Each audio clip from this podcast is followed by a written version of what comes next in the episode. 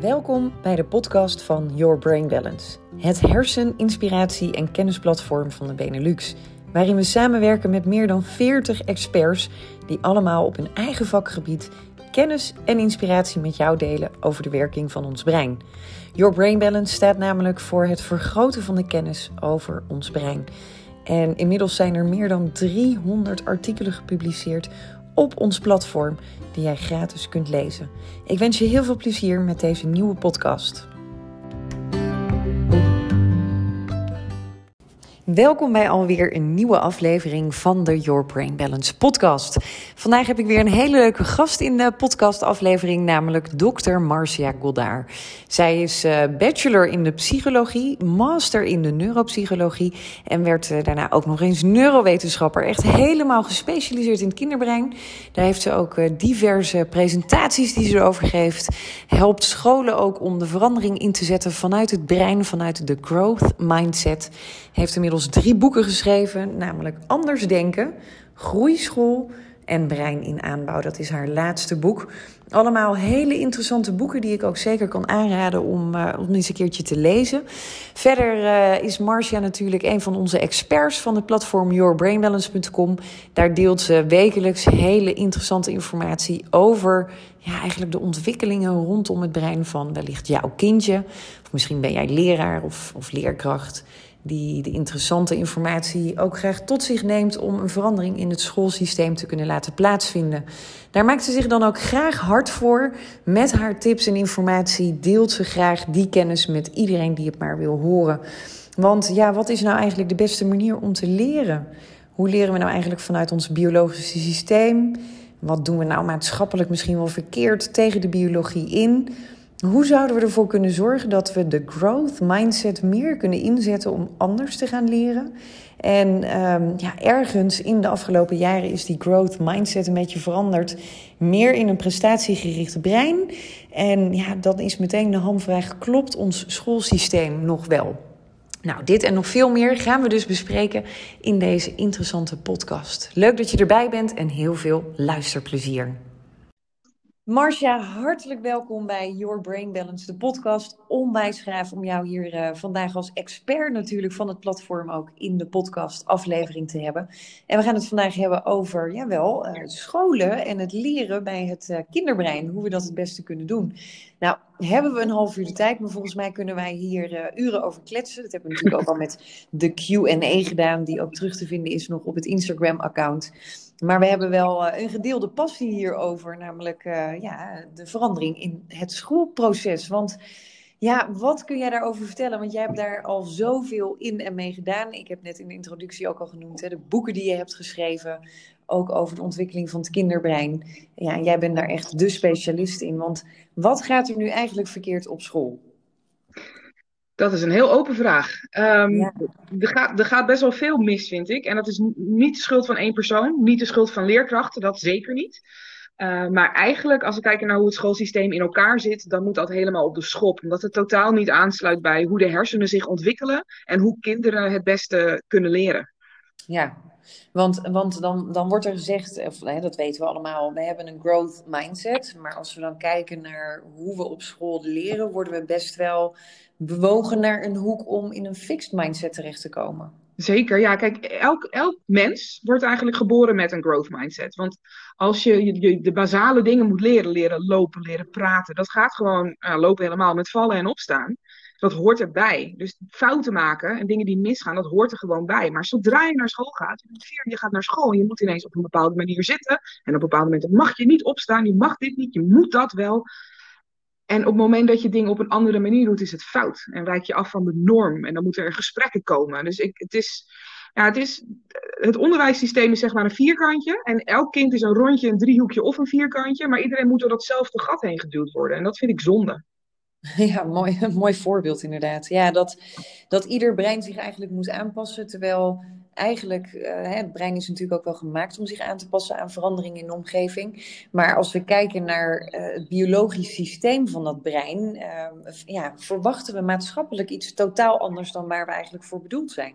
Klopt inderdaad. Ja, en het klopt dat het ieder brein past zich aan. En dat is ook een van de mooie dingen aan het brein. Alleen het wordt dus nu ingezet op een manier die ervoor zorgt dat het brein zich aanpast aan iets wat eigenlijk helemaal niet het juiste is. Het past zich aan aan een wereld waarin het dus uitgaat van geen fouten maken, alles goed doen, focus op het eindresultaat en niet op het proces. En dat is volgens mij helemaal niet wat we onze kinderen mee willen geven. Dus het is een systeem dat niet meer van deze tijd is. Vroeger paste dat prima. Vroeger zag de wereld er gewoon anders uit. Maar op de huidige aardbol en als je gaat werken, als je later groot bent als kind, dan is dat niet meer, dat zijn, dat is niet meer de manier waarop je het verst komt met de hersenen. Dus we moeten gewoon beter gaan kijken naar wat past bij de maatschappij. En hoe, hoe kunnen we die, die kennis over de hersenen het beste gebruiken in het onderwijs om die kinderen goed voor te bereiden op de rest van hun leven. Ja, kun je, kun je dat misschien nog wat specifieker uitleggen? Want die wereld verandert inderdaad onwijs snel. En we, we hebben maatschappelijk eisen we dingen van ons ja, biologisch systeem die totaal een conflict opleveren. Dat is eigenlijk waar we nu ook met z'n allen wel uh, tegenaan lopen. Mhm. Maar goed, die wereld die blijft veranderen. Dus, dus morgen is de wereld sneller dan gisteren. Um, hoe zouden we dat nou dan naar de kinderen op school anders kunnen gaan doen? Nou ja, om een heel concreet voorbeeld te geven. Ik zou de CITO-toets afschaffen ik zou me gewoon helemaal uitgooien. Het is, en zeker de, de eindtoets in groep 8. Ehm, officieel is natuurlijk de CITO-toets niet bepalend. Hè? Officieel is het een middel om te kijken, oké, waar staat het kind ongeveer? En is het, uh, is het, het advies van de leerkracht is doorslaggevend bij het bepalen uh, naar welke vervolgopleiding het kind mag. Maar in de praktijk wordt de CITO-toets eigenlijk gezien als een soort intelligentietest. En wordt het heel erg, ja, heel erg bepalend gezien als, oh, dit, is, dit cijfertje geeft aan wie jij bent en hoe slim jij bent en wat jij kunt. Dus waar we naartoe moeten, denk ik, is meer kijken naar wat is de potentie van een kind. En niet waar staat een kind op een bepaald moment. Want dat zegt eigenlijk helemaal niets over wat het nog zou kunnen. Het geeft alleen aan wat het tot dan toe geleerd heeft, niet wat het nog kan leren. Ja, dus, dus eigenlijk zijn we gewoon te veel bezig met, met het ontwikkelen van een sociaal-economische status. In plaats van echt te kijken van waar ligt de behoefte van het kind en, en, waar ligt de potentie van het kind. Ja, precies. En als we dan kijken naar uh, de scholen, inderdaad, uh, nou, als ik naar mijn eigen schooltijd kijk. Ik heb eerst op het regulier uh, onderwijs gezeten, een, een gelovige basisschool, katholiek ik weet eigenlijk niet eens meer, het stond katholiek, christelijk. Kun je nagaan, dat heeft mijn brein helemaal geblokt. Ja. Maar um, ik, ik merkte op een gegeven moment wel dat naarmate de tijd verstreek en ik wat ouder werd, dat ik in groep 8 gewoon totaal tegen het schoolsysteem begon te schoppen. Ik werd echt um, heel ongelukkig als kind zijn. Ik weet dat, dat weet ik echt nog als de dag van gisteren. En op een gegeven moment zei mijn moeder ook van jeetje, je bent van een springlevend, vrolijk kind ben je eigenlijk een dood vogeltje geworden. Ja. En zo voelde dat ook, bijna gewoon depressief. En dan ben je dus inderdaad nou in groep 8, hè, dus dan ben je 11, 12 jaar. Ja.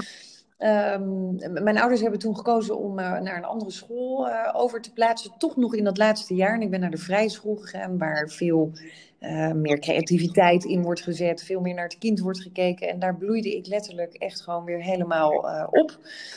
Uh, dat is wel iets, ik zie dat steeds vaker om me heen gebeuren bij, bij kinderen die dan op, op een bepaalde school terechtkomen, waarvan de ouders dan in, in, ja, in alle goedheid de beste keuze geprobeerd hebben te maken, maar uh, wat voor het kind niet altijd het beste is. Hoe, hoe, zie jij dat zeg maar, vanuit het brein, hè? wanneer je dus inderdaad op een, op een plek komt waar je eigenlijk gewoon niet zo lekker tot je recht komt? Ja, ik denk dat dat heel erg terugkomt op, op die, die vierkantjes en die driehoekjes en die rondjes waar ik het net over had. Kijk, in principe denk ik dat het niet eens zozeer uitmaakt of het een vrije school is, of Jena Plan of Montessori of een regulier, uh, reguliere basisschool. Ik denk dat het vooral is hoe wordt binnen die school omgegaan met de vereisten die het schoolsysteem stelt aan het onderwijs. Want als je kijkt naar wat je moet leren vanuit de overheid, de onderwijsdoelen, dan is er ja. best wel veel ruimte voor interpretatie. Maar niet iedere school pakt dat echt op. Niet iedere school denkt, oké, wij gaan het op een andere manier aanpakken. Daarin zit gewoon ongelooflijk veel verschil in kwaliteit binnen scholen.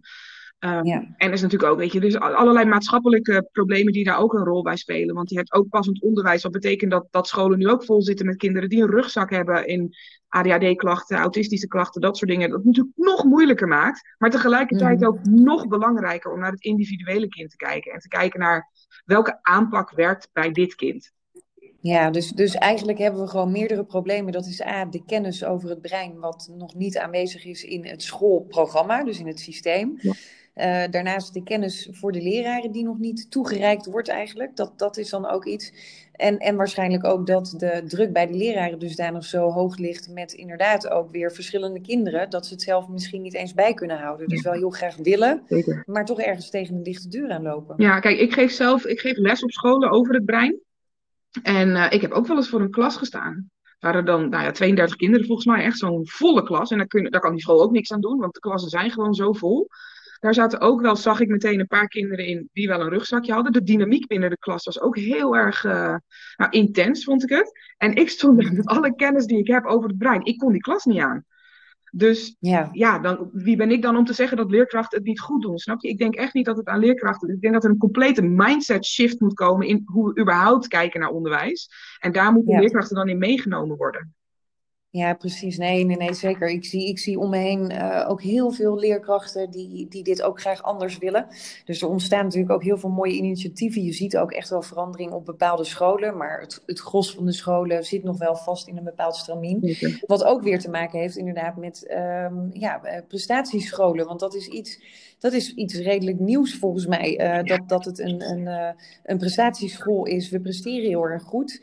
En dan wordt er naar mijn idee alleen nog maar gekeken echt naar de cijfers en naar hoe de school scoort. In plaats van hoe het nou echt met de kinderen gaat. Ja. Is dat een nieuwe trend? Nou ja ik, ik, weet, ja, ik ben 36, dus ik weet natuurlijk niet hoe het heel lang geleden ging. Maar je ziet wel tegenwoordig worden er in de krant elk jaar worden de, de beste scholen of de beste CITO-scorers van scholen worden gerapporteerd. En uh, je hebt inderdaad het, het predicaat excellente school, heet het geloof ik. Ja, dat. Ja, precies. Ja, ik weet niet, wat is dan precies, wanneer ben je dan excellent? Als je kinderen heel hoge CITO-scores halen of als ze heel gelukkig zijn, wordt dat dan ook erin meegenomen? Ik, ik, ik denk zelf van niet. Het is een beetje een retorische vraag, als ik eerlijk ben. Want ik denk helemaal niet dat daar naar gekeken wordt. Dus er is een soort van hysterische focus op de uitkomst. Op oh, als die kinderen, hoe meer kinderen naar het VWO gaan, hoe beter het is. Nou, zal ik de laatste zijn die ontkent dat je meer mogelijkheden hebt als je een hoger opgeleid bent. Ik ben zelf ook hoog opgeleid en dat heeft me veel mogelijkheden gegeven. Maar dat betekent niet dat als je naar het VMBO gaat en je gaat een bepaalde vakopleiding doen, dat je dan minder waard bent. Dus... Nee, absoluut. absoluut. Ik ken ook, ik ken ook zat ondernemers of, of mensen die uiteindelijk uh, zware studies hebben gedaan, maar die wel helemaal onderaan zijn begonnen. Dus het betekent niet dat er geen kansen zijn. Want Jouw, jouw persoonlijke verhaal over jouw eigen schooltijd vind ik ook wel heel erg bijzonder om meteen even het bruggetje te maken. Um, want, want sociaal gezien wordt er dan ook gezegd van, nou ja, hè, wanneer je in een bepaalde wijk opgroeit of in een bepaalde omgeving of wanneer je huis op een bepaalde plek staat, beïnvloedt dat eigenlijk ook wel je IQ en, en daarmee de kansen voor de rest van je leven. Ja. Nou vind ik jou echt het voorbeeld van dat dat dus absoluut niet waar is. Ja, ja, Want jij, uh, ja, jij hebt ook eigenlijk wel een bijzonder verhaal. Ja, het is een beetje waar in de zin dat als je opgroeit in een, een slechtere buurt, vaak de kwaliteit van het onderwijs ook minder is, waardoor je, je krijgt gewoon minder mogelijkheden. Ik denk dat dat wel, uh, daar zit wel iets in, maar ik vind het helemaal niet eerlijk om te zeggen dat die kinderen dan inderdaad per definitie gedoemd zijn. Want dat is af en toe een beetje het beeld dat je erbij krijgt. Uh, ik ben in mijn gezin ben ik de, de eerste die een universitaire opleiding heeft afgemaakt. Um, en, en, en gepromoveerd is. En we hadden vroeger, weet je, we hadden gewoon niet veel geld. Dus ja, uh, ja dat, dat, dat beperkt de mogelijkheden die je hebt. En als we iets weten over het brein, dan is het dat het, hoe meer je het blootstelt aan informatie en hoe meer je het stimuleert, hoe meer het zich ontwikkelt. Nou ja, als je weinig geld hebt, dan zijn die mogelijkheden beperkt. Maar wat, wat ik altijd heb gedacht, is dat ik, toen ik heel klein was, nam mijn moeder me meteen mee naar de biep, gaf me een bieppasje. En in die bibliotheek ging voor mij gewoon de hele wereld open. Nu is dat denk ik het internet, maar dat was het toen nog niet. Um, al, ik kon daar alles lezen. Dus ik ben een ontzettende boekenworm geworden. Ik vond dat leuk. Ik kwam op plekken waar ik zelf niet zou kunnen komen, omdat ik het geld niet had om er naartoe te gaan. Maar via boeken kun je toch overal komen. Dus je omstandigheden spelen zeker wel een rol. Maar ik wil heel graag, zou, ik zou heel graag willen dat meer kinderen die in die omstandigheden opgroeien, begrijpen dat ze nog wel degelijk mogelijkheden hebben. Dat ze nog wel degelijk controle hebben over hun uitkomsten. Want de maatschappij geeft hen dat niet voldoende mee. Ja, precies, precies. Nou, dat is mooi. En ik denk dat dat ook, ook wel een stukje bij de media uh, start. Want, want wanneer we daar inderdaad over lezen uh, in de media, dan ga je er eigenlijk al vanuit van, nou ja, dan gelooft je brein in ieder geval dat dat voor 70% of 80% de waarheid is. Dus ook daarover uh, andere berichten meegeven naar buiten toe, dat dat ook heel veel scheelt. Um, nou noem jij heel mooi hè, het voorbeeld van de biep, lezen. Nou las ik laatst een onderzoek, een rapport dat voorlezen uh, voor een kind, wanneer je dat op zeer jonge leeftijd al doet, ook echt een verandering in dat brein inzet. Klopt, ja. Ja, ik vind dat echt schitterend. Ik moest, voor, mijn, voor mijn eigen boek moest ik natuurlijk ook weer een beetje in die literatuur duiken van wat weten we hier nou precies over. Uh, ik, ik lees mijn eigen kinderen al voor vanaf het moment dat ze geboren zijn. Dus echt vanaf dag één. Elke dag voorlezen is gewoon onderdeel van het slaapritueel. En waar ik achter kwam tijdens het onderzoek was dat op het moment dat je dat doet, zelfs als kinderen zelf nog niet kunnen spreken en nog niet kunnen lezen en nog niet begrijpen wat je zegt, worden de gebieden die gaan over de taalontwikkeling, dus waar uiteindelijk de gebieden die uiteindelijk jouw taalvermogen bepalen, die worden dan al actief. Ja. Dat vind ik een heel erg mooi gegeven. Want dat betekent dus dat je als ouder heel veel kan bijdragen aan de ontwikkeling van je kind. Op een manier die, nou, ten eerste is het heel erg leuk, want het is gewoon een fijn moment, vind ik ook met mijn kinderen. Um, maar het is ook nog eens heel erg nuttig. En uh, iedereen kan dit. Weet je, dit is niet, het maakt niet uit waar je het boek vandaan haalt. Iedereen kan wel een boek ergens vandaan halen. Uit de bibliotheek of een boek kopen. Um, maar ga voorlezen. Doe het, want het is zo belangrijk. Ja, precies. Ja, en, en zijn er dan ook studies die bewijzen dat kinderen die uh, nooit voorgelezen zijn, dat die, uh, dat die dan dus zeg maar een achterstand hebben of zo? Misschien tijdens school of, of later in hun leven? Zijn daar specifieke voorbeelden van of getallen misschien wel? Nou, het is heel moeilijk om dat heel hard aan te geven, zeker als het gaat over later in het leven. Um, omdat je natuurlijk, er is een verschil tussen een correlatie, tussen een verband en causatie. Dat is een oorzaak-gevolg. En als iemand later ja. ja. minder ver komt, zeg maar, dan, dan is het natuurlijk heel moeilijk om te bewijzen dat dat specifiek daarmee te maken heeft. Maar ja. het is wel heel duidelijk dat hoe het hoogopgeleid zijn is voor een deel ook uh, gelinkt aan je verbale vaardigheden. Dus inderdaad, hoe goed je kunt lezen. Want in feite is het zo dat op het VWO en op de universiteit wordt de meeste informatie wordt je uh, in, de, in de vorm van boeken aangeboden. Dus als jij heel makkelijk bent met lezen en heel makkelijk informatie verbaal, talig in je opneemt, dan gaat je dat makkelijker af. Dus in die zin is daar wel degelijk een verband tussen aan te wijzen. Dus uh, dat, dat op jonge leeftijd al blootgesteld worden aan boeken en dan vervolgens op latere leeftijd beter kunnen leren.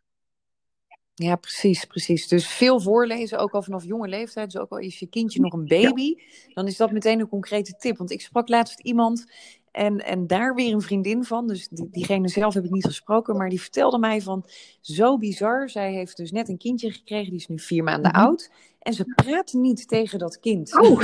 Want ze zegt, ja, maar ja, hij praat toch niet terug. Dus ja, wat heb ik eraan om daarmee te gaan praten? Dat voelt zo raar. En toen zei ik ook van, maar wauw, dat doet echt wel wat voor dat brein als je tegen een kind praat of zingt of voorleest.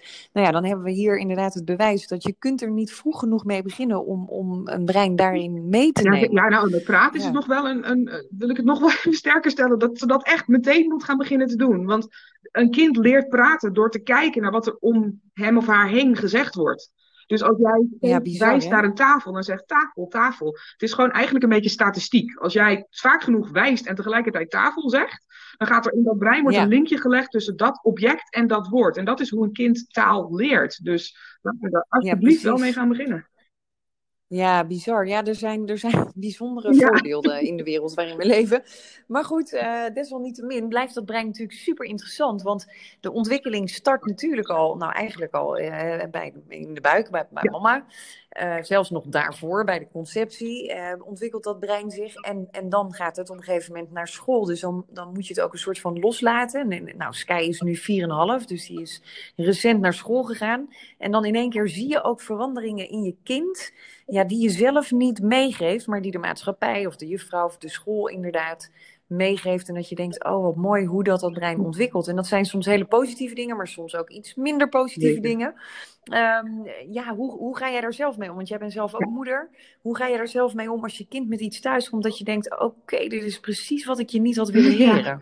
Ja. Um, het is wel heel erg afhankelijk van wat het is, denk ik. Um, op het ik, heb, ik, heb, ja, ik heb gewoon heel veel geluk met de school waar, me, waar mijn eigen zoon op zit. Ik mag daar ook lesgeven hierover. Zij staan heel erg open voor growth mindset, willen daar ook graag mee aan de slag. Dus de leerkrachten doen daar heel erg hun best in. Uh, dus ik heb niet direct ervaring met um, dat, dat, dat mijn zoon Christian thuis kwam en dat ik echt dacht: wat heb je geleerd op school? Dat is gelukkig nog nooit gebeurd. En mijn jongste is pas één. Dus die gaan nog niet naar school. Ja, dat scheelt. Ja. ja. maar ik denk dat als ik zelf zou merken dat de school heel anders tegen opvoeding en onderwijs aankijkt dan ik dat doe. Als ze dus inderdaad bijvoorbeeld heel erg uitgebreid in zouden gaan op die CITO-scores. Ik vind CITO altijd een heel mooi concreet voorbeeld, want het staat zo haaks op hoe ik denk over ontwikkeling. Ja. Um, dan zou ik een gesprek aangaan met de school. En als dat niet zou werken, dan zou ik op, oprecht overwegen om hem naar een andere school te doen. Want ik, ik wil mijn kind gewoon dat niet meegeven. En iedereen moet daar natuurlijk zijn eigen keuzes in maken. Daarom heb ik ook niet een voorkeur voor één bepaalde school of voor één bepaalde schoolvorm. Maar je moet iets doen wat past bij jouw moreel kompas, denk ik. En ook bij de manier waarop je kind in elkaar zit. Ja, zeker. Nou ja, goed, de, de, met Sky gebeuren, en die zit gelukkig op een hele fijne school, maar er gebeuren natuurlijk ook onderbewust, uh, wanneer een leraar of lerares, een juffie iets zegt, bijvoorbeeld bij Sky was dat, nou, pak die doos maar niet op, want daar ben je te klein voor, dat doet de juffie wel. Waarnaar hij eigenlijk thuis kwam en twee weken lang heeft geroepen, nee hoor, daar ben ik te klein voor, dat kan ik toch niet. Um, en toen, toen dacht ik eigenlijk al bij de eerste keer dat hij dat zei, toen dacht ik, ja, maar dit is precies niet de programmering die ik in jouw hoofd wil hebben. Want ja, als je dadelijk 14 bent, dan geloof je echt daadwerkelijk dat je bepaalde dingen niet kan. En ontstaat er faalangst of, of iets niet durven of nou ja, wat dan ook. Dus daar ben ik echt wel twee weken concreet mee aan de slag gegaan. Maar ik kan me heel erg voorstellen dat ja, wanneer je uh, misschien niet helemaal die, die kennis hebt op dat brein en er niet helemaal alert op bent uh, dat het zomaar uh, geprogrammeerd wordt in het kinderbrein. Want die eerste mm. acht tot tien jaar is natuurlijk wel echt super belangrijk om uh, de informatie in die hersenen Klopt. te krijgen. En het is dus ook, kijk, wat, wat, jij dan doet is precies, denk ik, wat je als ouder zou moeten doen. Namelijk dat je er gewoon mee aan de slag gaat en over in gesprek gaat met je kind. En je moet het ook maar net meekrijgen, hè? Want ja, een kind moet maar net vertellen dat zoiets gebeurt. Dus dat is het lastige eraan. Ja. Um, maar uiteindelijk is, vind ik zelf. Um, een kind compleet maken qua hersenen, qua opvoeding, qua onderwijs, is een samenwerking, vind ik, tussen de leerkrachten die het kind gedurende zijn leven heeft en de ouders. En daar moet, daar moet gewoon Ja, een overlap in zitten. Je moet wel een beetje dezelfde visie hebben op hoe je dat aanpakt. En dan, dan zijn fouten zijn onvermijdelijk. Hè? Want kijk, die, die, die, die juf heeft daar waarschijnlijk helemaal niet bij stilgestaan. Nee, nee, dat Nee, is helemaal niet bewust. En dat, nee, is, zeker eh, dat niet. is het Nee. lastige. Dat iets kan heel veel impact hebben zonder dat, dat iemand dat zelf doorheeft. En ik heb dat als, als moeder ook. Wat ik nu doe, mijn, mijn zoon is dan nu zeven. Ehm, ik bied dan gewoon mijn excuses aan aan mijn kind. ik ga dan gewoon naar mijn kind. en zeg, Nou, wat ik nu Ja. heb gezegd, ik, vond eigenlijk, ik heb er nog eens over nagedacht. En ik vind dat had ik niet moeten doen. Dat was gewoon niet handig van me. En daarmee leer je je kind ook dat dat ook oké is. Ja, precies. Dat is wel heel mooi. Dat is grappig, want ik doe dat ook wel eens als ik dan iets tegen Sky heb gezegd of heb beloofd en, en ik kan het niet nakomen. Dan zeg ik ook letterlijk, ja, mama maakt ook fouten en mama leert ook Ja. nog steeds. En dat is alleen Ja. maar goed. Eh, en, en dat is wel heel mooi als je dat, eh, dat kunt meegeven, inderdaad. Want daarmee wordt dat foutensysteem in één keer minder negatief geladen. We zijn natuurlijk echt, je noemde het al eerder, van fouten leren we en ontwikkelen we en maken we dat brein compleet. Maar toch, op een gegeven moment, vanaf een jaar of vier, vijf, zijn fouten verkeerd. En, en, en mag dat niet meer. En daar hebben we later echt wel last van. Ja, het is echt heel, heel Ja. erg lastig. En het is een van de dingen die ik het meest belangrijke vind. Omdat het, het is namelijk pertinent onmogelijk om geen fouten te maken. Dus ook Ja, als je realiseert precies. dat dat zo is, want daar gaat het om. Het gaat er niet om. Ik, sommige, ik vind ook dat sommige scholen er een beetje in doorslaan. Dat, het, dat fouten maken niet meer erg is. Fouten maken hoort erbij. Maar er zit wel een verschil tussen zeggen: nee, het is niet erg dat je een fout hebt gemaakt. En het is niet erg dat je een fout hebt gemaakt, maar wat kunnen we ervan leren? Dat is de Ja, belangrijkste stap. Ja, en als je dat inderdaad voor elkaar krijgt, dan kun je dat brein dusdanig programmeren dat het dus later op een leeftijd die wij nu hebben, ook echt gewoon ehm, ja, de, de, de, de positieve dingen brengt. Want ja, dat is, ik, ik heb het zelf ook ervaren, dat je gewoon eigenlijk altijd maar de beste versie van jezelf wil zijn. Maar dat kan niet. En daardoor ga je op een gegeven moment ook ehm, ja, de verkeerde keuzes maken en, en raak je Ja, in een disbalans.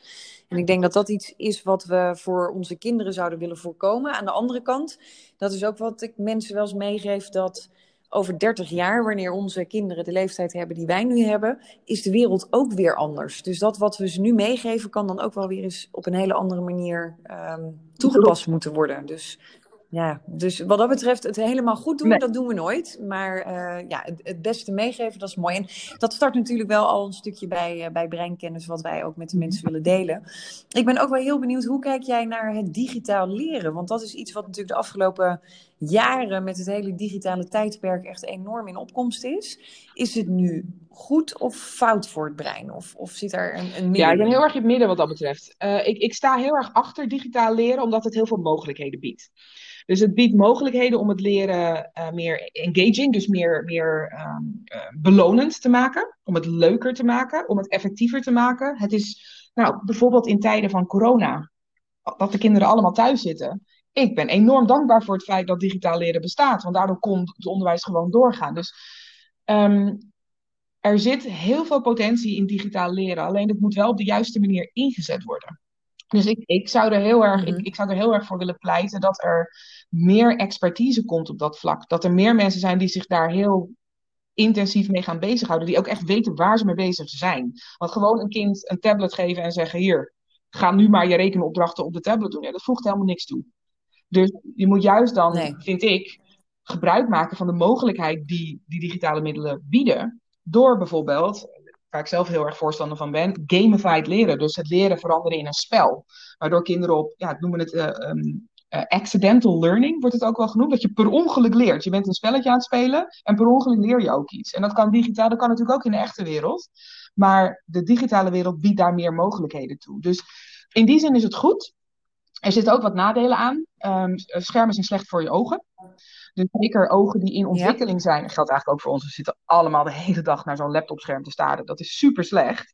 Maar het is nog slechter voor Mhm. kinderen, omdat die ogen zich nog aan het ontwikkelen. In Rotterdam is al heel lang een onderzoek in gang, dat heet Generation R, waarbij kinderen vanaf de geboorte eigenlijk gevolgd worden. En uit dat onderzoek blijkt dat meer kinderen, meer en meer kinderen tegenwoordig op jonge leeftijd al een bril moeten. En dat er wel een uh, relatie aan te wijzen is met veel op schermen zitten en weinig buiten spelen. Dus Ja, kan, kan dat ook iets, iets zijn, uh, zeg maar, wat, wat vanuit onze uh, generatie wordt doorgegeven in de DNA, uh, in, in die verandering van dat brein? Want, want ergens in die evolutie veranderen er natuurlijk ook wel onderdelen in dat brein. Heeft dat er ook mee te maken of is het pas wanneer een kind 4, 5, 6 jaar oud is en dus al een historie heeft met die schermen? Nou, evolutie, evolutie hebben we het natuurlijk gewoon over miljoenen jaren. Dus ik denk niet dat er al heel veel. De, de laatste jaren zijn de, de ontwikkelingen zo snel gegaan dat ik, ja, ik, heb daar, ik ben daar natuurlijk geen expert in op dat vlak. Uh, dus dat durf ik niet helemaal te zeggen. Maar ik denk dat um, de impact van schermen, en dan heb ik het specifiek nu even over die ogen, hè, dat dat wel echt te herleiden Ja, is tot het toegenomen schermgebruik. Al heb ik geen onderzoek uit het verleden om aan te tonen dat het toen niet zo was. Maar ja, als je, het is Ja. gewoon een feit. Dat is gewoon een feit in cijfers, zeg maar, dat meer kinderen nu een bril hebben. Ja, dan, dan is die link wel snel te maken. Dus daarom wordt ook aangeraden om na 20 minuten schermtijd in elk geval even 20 minuten iets anders te doen. En dan vooral ook buiten spelen. Ja, ver, wat Ja. verder wegkijken, die natuur in. Ik denk dat dat Ja. ook wel weer goed is. Ja. Ehm, daarover, de natuur in. Er zijn heel veel kinderen die gewoon vandaag de dag eigenlijk bijna amper nog in Ja. de natuur komen. Ehm, schrikbarend is dat eigenlijk wel, als ik dat zo mag noemen. Hoe zie jij Ja, dat? ik ben het daarmee eens. En ja, tegelijkertijd ook wel realistisch genoeg om te weten dat als je in een bepaald gebied opgroeit, als je midden in de stad zit, waar iedereen boven op elkaar woont en ja, je ouders hebben niet de middelen om heel makkelijk met jou erop uit te trekken, dan is dat je leefwereld. Dus ehm, ik zou heel graag, eigenlijk zou ik heel graag willen dat Nederland een stukje groter was. Dat er wat meer Ja, Ja, want meer ruimte uitgestrekter. voor Ja. natuur. Dus ik denk dat in het oosten van het land vermoed ik dat dat minder speelt dan in de Randstad. Want ja, ik woon zelf in de Randstad hier. Dus ja, de grote steden, daar is gewoon, moet je je best doen om een park te vinden.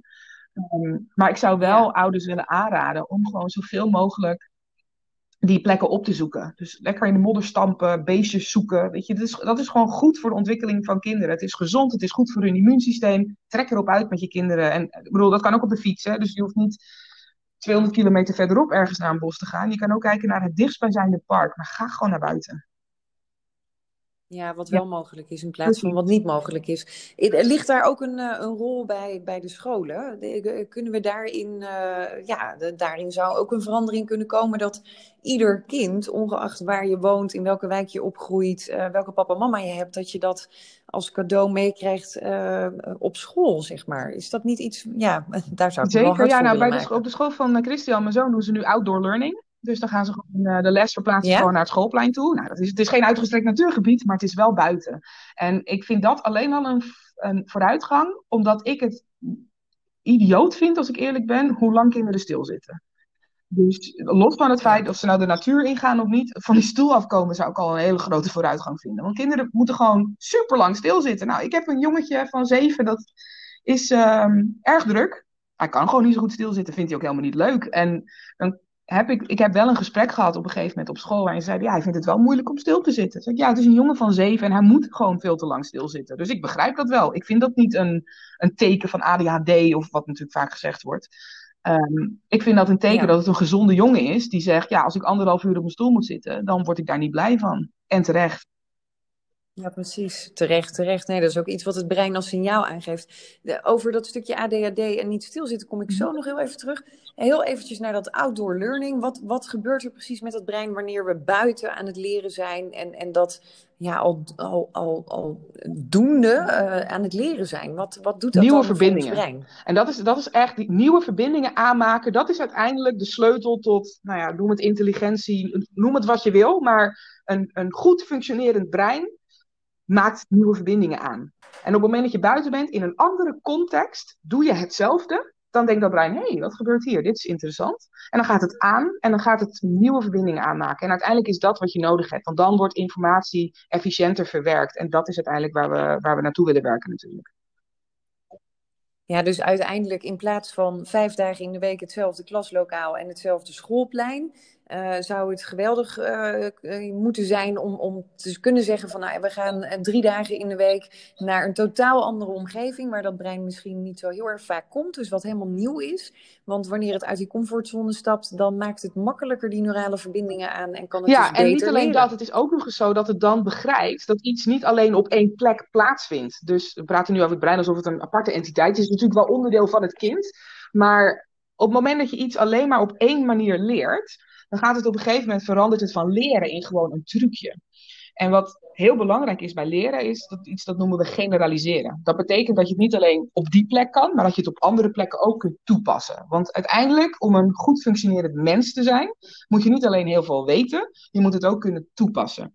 En dat is iets wat met outdoor learning veel meer ter sprake komt, omdat je dus inderdaad op een andere manier je kennis moet gaan gebruiken. Dus het heeft zoveel voordelen en het is nog leuk ook. Ja, gaaf zeg. Nou, dat zou, dat zou wat mij betreft bijna verplicht moeten worden op iedere school. Dus uh, nou ja, daar gaan we ons ook wel steeds meer hard voor maken. Um, alle twee die passie. En daar gaan we ook hele mooie trajecten in starten samen. Dus daarover gaan we later nog veel meer uh, delen. Maar ADHD, symptomen, niet stil kunnen zitten, geen focus hebben in de klas, je aandacht ergens niet bijhouden. Dat is iets wat, uh, nou, wat ik om me heen enorm veel hoor van moeders, vaders van jeetje, hè, wordt er weer gezegd, misschien moet je een andere school zoeken, want je kind ja, heeft toch niet helemaal zijn focus. En dan zeg ik, nou, jouw kind heeft geen ADHD, maar wordt niet voldoende geprikkeld op de juiste manier. En wanneer er meer beweging zou komen, bijvoorbeeld in die klas, of, of wanneer er meer creativiteit uh, zou kunnen komen, volgens mij verandert dat een hele hoop. Is er iets waar, waaraan jij ook ziet dat dat, dat, dat het zo is? Nee, ja, je hebt volledig gelijk. Ik, ik, heb, ik ben, uh, uiteindelijk heb ik gekozen voor de wetenschap, maar ik kom uit de klinische praktijk.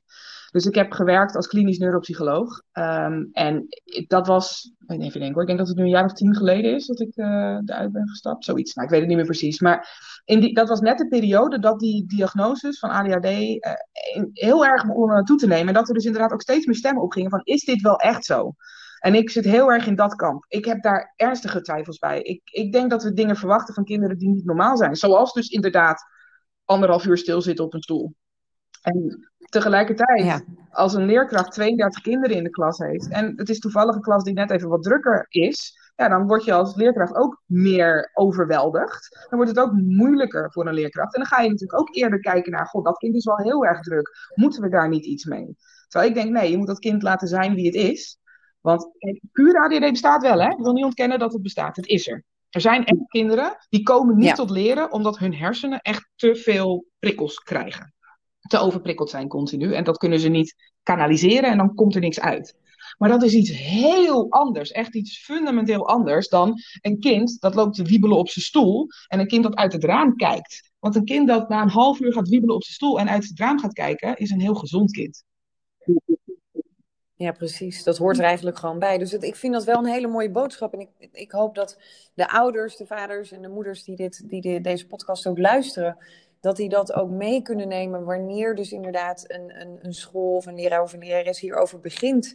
Dat we met elkaar die bewustwording, en we hoeven niet te zeggen dat de leraar het verkeerd heeft of de school, maar inderdaad de bewustwording van wat heeft dat brein, dat kind, uh, het systeem van het kind nu eigenlijk echt nodig. En ja, dat is toch een andere, andere leerwijze.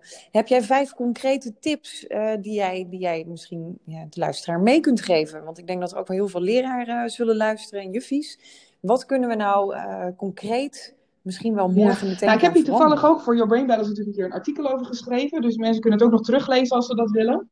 Maar uh, er is zeker een aantal dingen dat je gewoon meteen kan doen zonder dat je afhankelijk bent van een complete verandering in dat schoolsysteem. Um, het eerste is, kijk naar hoe ga je nou met een kind om in de klas? Wat voor feedback geef je een kind? Is het vooral de feedback, dit is fout, probeer het nog een keer? Of dit is fout en dit is wat je eraan kunt doen, zonder dat je meteen het goede antwoord geeft natuurlijk. Die manier waarop je feedback geeft, die heeft heel veel invloed op hoe het brein die informatie verwerkt. Dus op het moment dat, dat een kind alleen te horen krijgt, dit is fout, dan, gaan er, dan worden er gebieden actief die vooral te maken hebben met negatieve emoties. Met andere woorden, het kind gaat zich vooral heel erg slecht voelen. Nou, dan, dan komt het ook niet meer tot leren, want dan zit het vast in die emotie. Terwijl als je in de feedback meeneemt van, joh, probeer het dus op deze manier, kijk eens, uh, probeer deze strategieën. Je geeft input over wat het kan verbeteren, dan wordt het lerende brein actief. Dus dan wordt in het brein de negatieve emotie onderdrukt en wordt het gebied dat gaat over leren wordt extra actief. En dat is natuurlijk precies de stand waarin je eigenlijk die, die hersenen wil hebben. Want dat is de stand waarin het optimaal kan leren van feedback. En dat is uiteindelijk ook het doel. Dus dat is de eerste tip. De tweede is om ja, natuurlijk zijn de, de, de basisschoolse vaardigheden zijn belangrijk. Hè? Rekenen, schrijven, lezen, dat moet er natuurlijk allemaal inkomen. Maar probeer daarnaast in de klas ook op een speelse manier um, aandacht te besteden aan, we noemen ze soft skills. Dus dingen als creativiteit, uh, probleemoplossend vermogen, samenwerken, dat soort dingen. Want die vaardigheden die gaan later als ze groot zijn, maar ook eigenlijk al als ze naar de middelbare school gaan, die gaan dan heel belangrijk worden. Dus bijvoorbeeld als je aandacht wil besteden aan creativiteit, uh, er is een boekje. Het boekje heet, het is in, ja, ik, weet niet of het ook in het Nederlands beschikbaar is, want ik geef veel les in het Engels, maar het boekje heet Not a Box. Niet een doos. En dat boekje gaat over een konijntje dat een doos heeft. En dan krijgt ze de vraag: waarom heb jij een doos? En hij zegt: het is geen doos. En dan vragen ze nog een keer: waarom zit jij in je doos? Is geen doos. En wat blijkt nou? Dat konijntje maakt steeds iets anders van die doos. Dus dan is het weer een raket. Dan is het een raceauto. Dan is het een boot. En uh, dit is een van de dingen die ik in de klas ook met de kinderen doe op dit moment. Na het voorlezen van het verhaal geef ik ze een doos. Dan zeg ik: dit is jouw doos. Ga er maar wat van maken. Wat je daarmee doet, is dat je op kinderen leert om op een andere manier te gaan kijken. En dat is heel belangrijk voor de ontwikkeling van creativiteit. Dus op dat soort manieren, met dat soort leuke opdrachtjes, op een speelse manier die, die soft skills onder de aandacht brengen, is heel belangrijk. Um, ja, super. Dat is inderdaad meteen ook een leuke opdracht die, die concreet ingezet zou kunnen worden in de klas. En wat ook belangrijk is, is om te gaan kijken naar executieve functies. Dat zijn, um, we hebben allemaal in ons hoofd een frontaal kwak, dus het voorste deel van ons brein. En dat is het deel van het brein dat het laatst ontwikkelt. Dus pas als we een jaar 25 zijn, is die frontaalklap af. En dan zijn ook die executieve functies klaar. En die executieve functies, die zijn ontzettend belangrijk in de rest van je leven. Want dat is bijvoorbeeld, hoe los je problemen op? Uh, kun jij je emoties onder controle houden? Um, kun jij kritisch nadenken? Dus dat zijn hele belangrijke vaardigheden die los van alle kennis die je hebt, ook helpen om die kennis te gebruiken in een situatie die je nog nooit eerder hebt meegemaakt. Um, in elk geval als leerkracht begrijpen wat executieve functies zijn. En dan ook kijken of je die, net als die soft skills, op een leuke manier kunt stimuleren in de klas. Of kinderen kunt uitdagen om die functies te gaan gebruiken. Dat is heel belangrijk, want dat helpt kinderen ook weer om zich verder te ontwikkelen. En um, een laatste tip die ik nog zou willen geven is om los van alle dingen die je moet als leerkracht. Weet je, ik weet, supertoets, veel scholen het moet, ik snap het. Maar kijk naar het individu. En blijf zelf nadenken. Dus hang niet heel erg in de methode die je gebruikt. Ik begrijp dat ze allemaal vinkjes die je moet zetten, dat zal wel. Maar kijk naar het individu en blijf zelf nadenken als leerkracht. Want jij kent zo'n kind het beste. Los van alle cijfertjes, ken jij het kind het beste, want jij hebt het, hele, het hele jaar in de klas zitten. Ja, mooi. Mooi. Nou, volgens mij zijn dit hele mooie tips. Um, wij hebben in onze live Q&A, die je nog terugvindt ook op Instagram van Your Brain Balance, hebben we van de week ook nog gesproken over het kinderbrein. En daarin uh, hebben we ook bes we hebben besproken over um, beweging, dat dat heel belangrijk is. Dus bewegen gedurende de lessen, zoveel mogelijk bewegen. Naar buiten gaan hebben we al genoemd. Dus ik herhaal nog even een aantal dingen. Ja, Voedingsstoffen zijn natuurlijk ook heel erg belangrijk. Uh, dat zie ik ook wel een beetje verkeerd gaan bij heel veel uh, kinderen helaas. Uh, chocoladerepen mee naar school, witte bolletjes met chocoladehagelslag. Nou, dat zijn precies de dingen waar het brein het eigenlijk niet zo goed op doet. Dus ook die voedingsstoffen zou ook iets kunnen zijn om daar een mooie start in te maken. Nou ja, wij zijn alweer langer dan een half uur aan het kletsen. En ja, volgens mij is dit alweer een hele toffe podcast geworden. In ieder geval voor de luisteraars. Wat misschien wel leuk is om te delen vanuit ons beiden, is dat er binnenkort een hele toffe actie gaat lopen. Ook voor scholen, leraren, maar ook voor ouders. Natuurlijk uiteindelijk helemaal in het teken van het kinderbrein. En daar gaan we binnenkort meer informatie over delen. Dus mocht je dat als luisteraar interessant vinden, dan hou in ieder geval social media van ons drieën in de gaten. En dan ga je er snel informatie over vinden waar we binnenkort mee gaan komen. Want uiteindelijk hebben we één missie en dat is het veranderen van ja, de basisstrategieën eigenlijk rondom de kinderen, om dat kinderbrein meer aandacht te gaan geven. En ja, daar gaan we mooie stappen in zetten. Ik wil jou heel erg bedanken, Marcia. Voor de luisteraar, mocht je het nou leuk vinden om meer uh, van Marcia te lezen, te horen, te zien, natuurlijk op yourbrainbalance.com vind je veel meer van haar artikelen. Um, de informatie ook die ze deelt en natuurlijk ook haar drie boeken die ik in de introductie al heb genoemd. Heel interessant om die te gaan lezen. Wil jij ook meer te weten komen? Over het brein van jouw eigen kindje. Ik wil jou bedanken, Marcia. En ik wil ook de luisteraars hiermee bedanken. En uh, binnenkort komt er weer een nieuwe podcast. Ik hoop dat je er dan ook weer bij bent. Voor nu een hele fijne dag en bedankt voor het luisteren.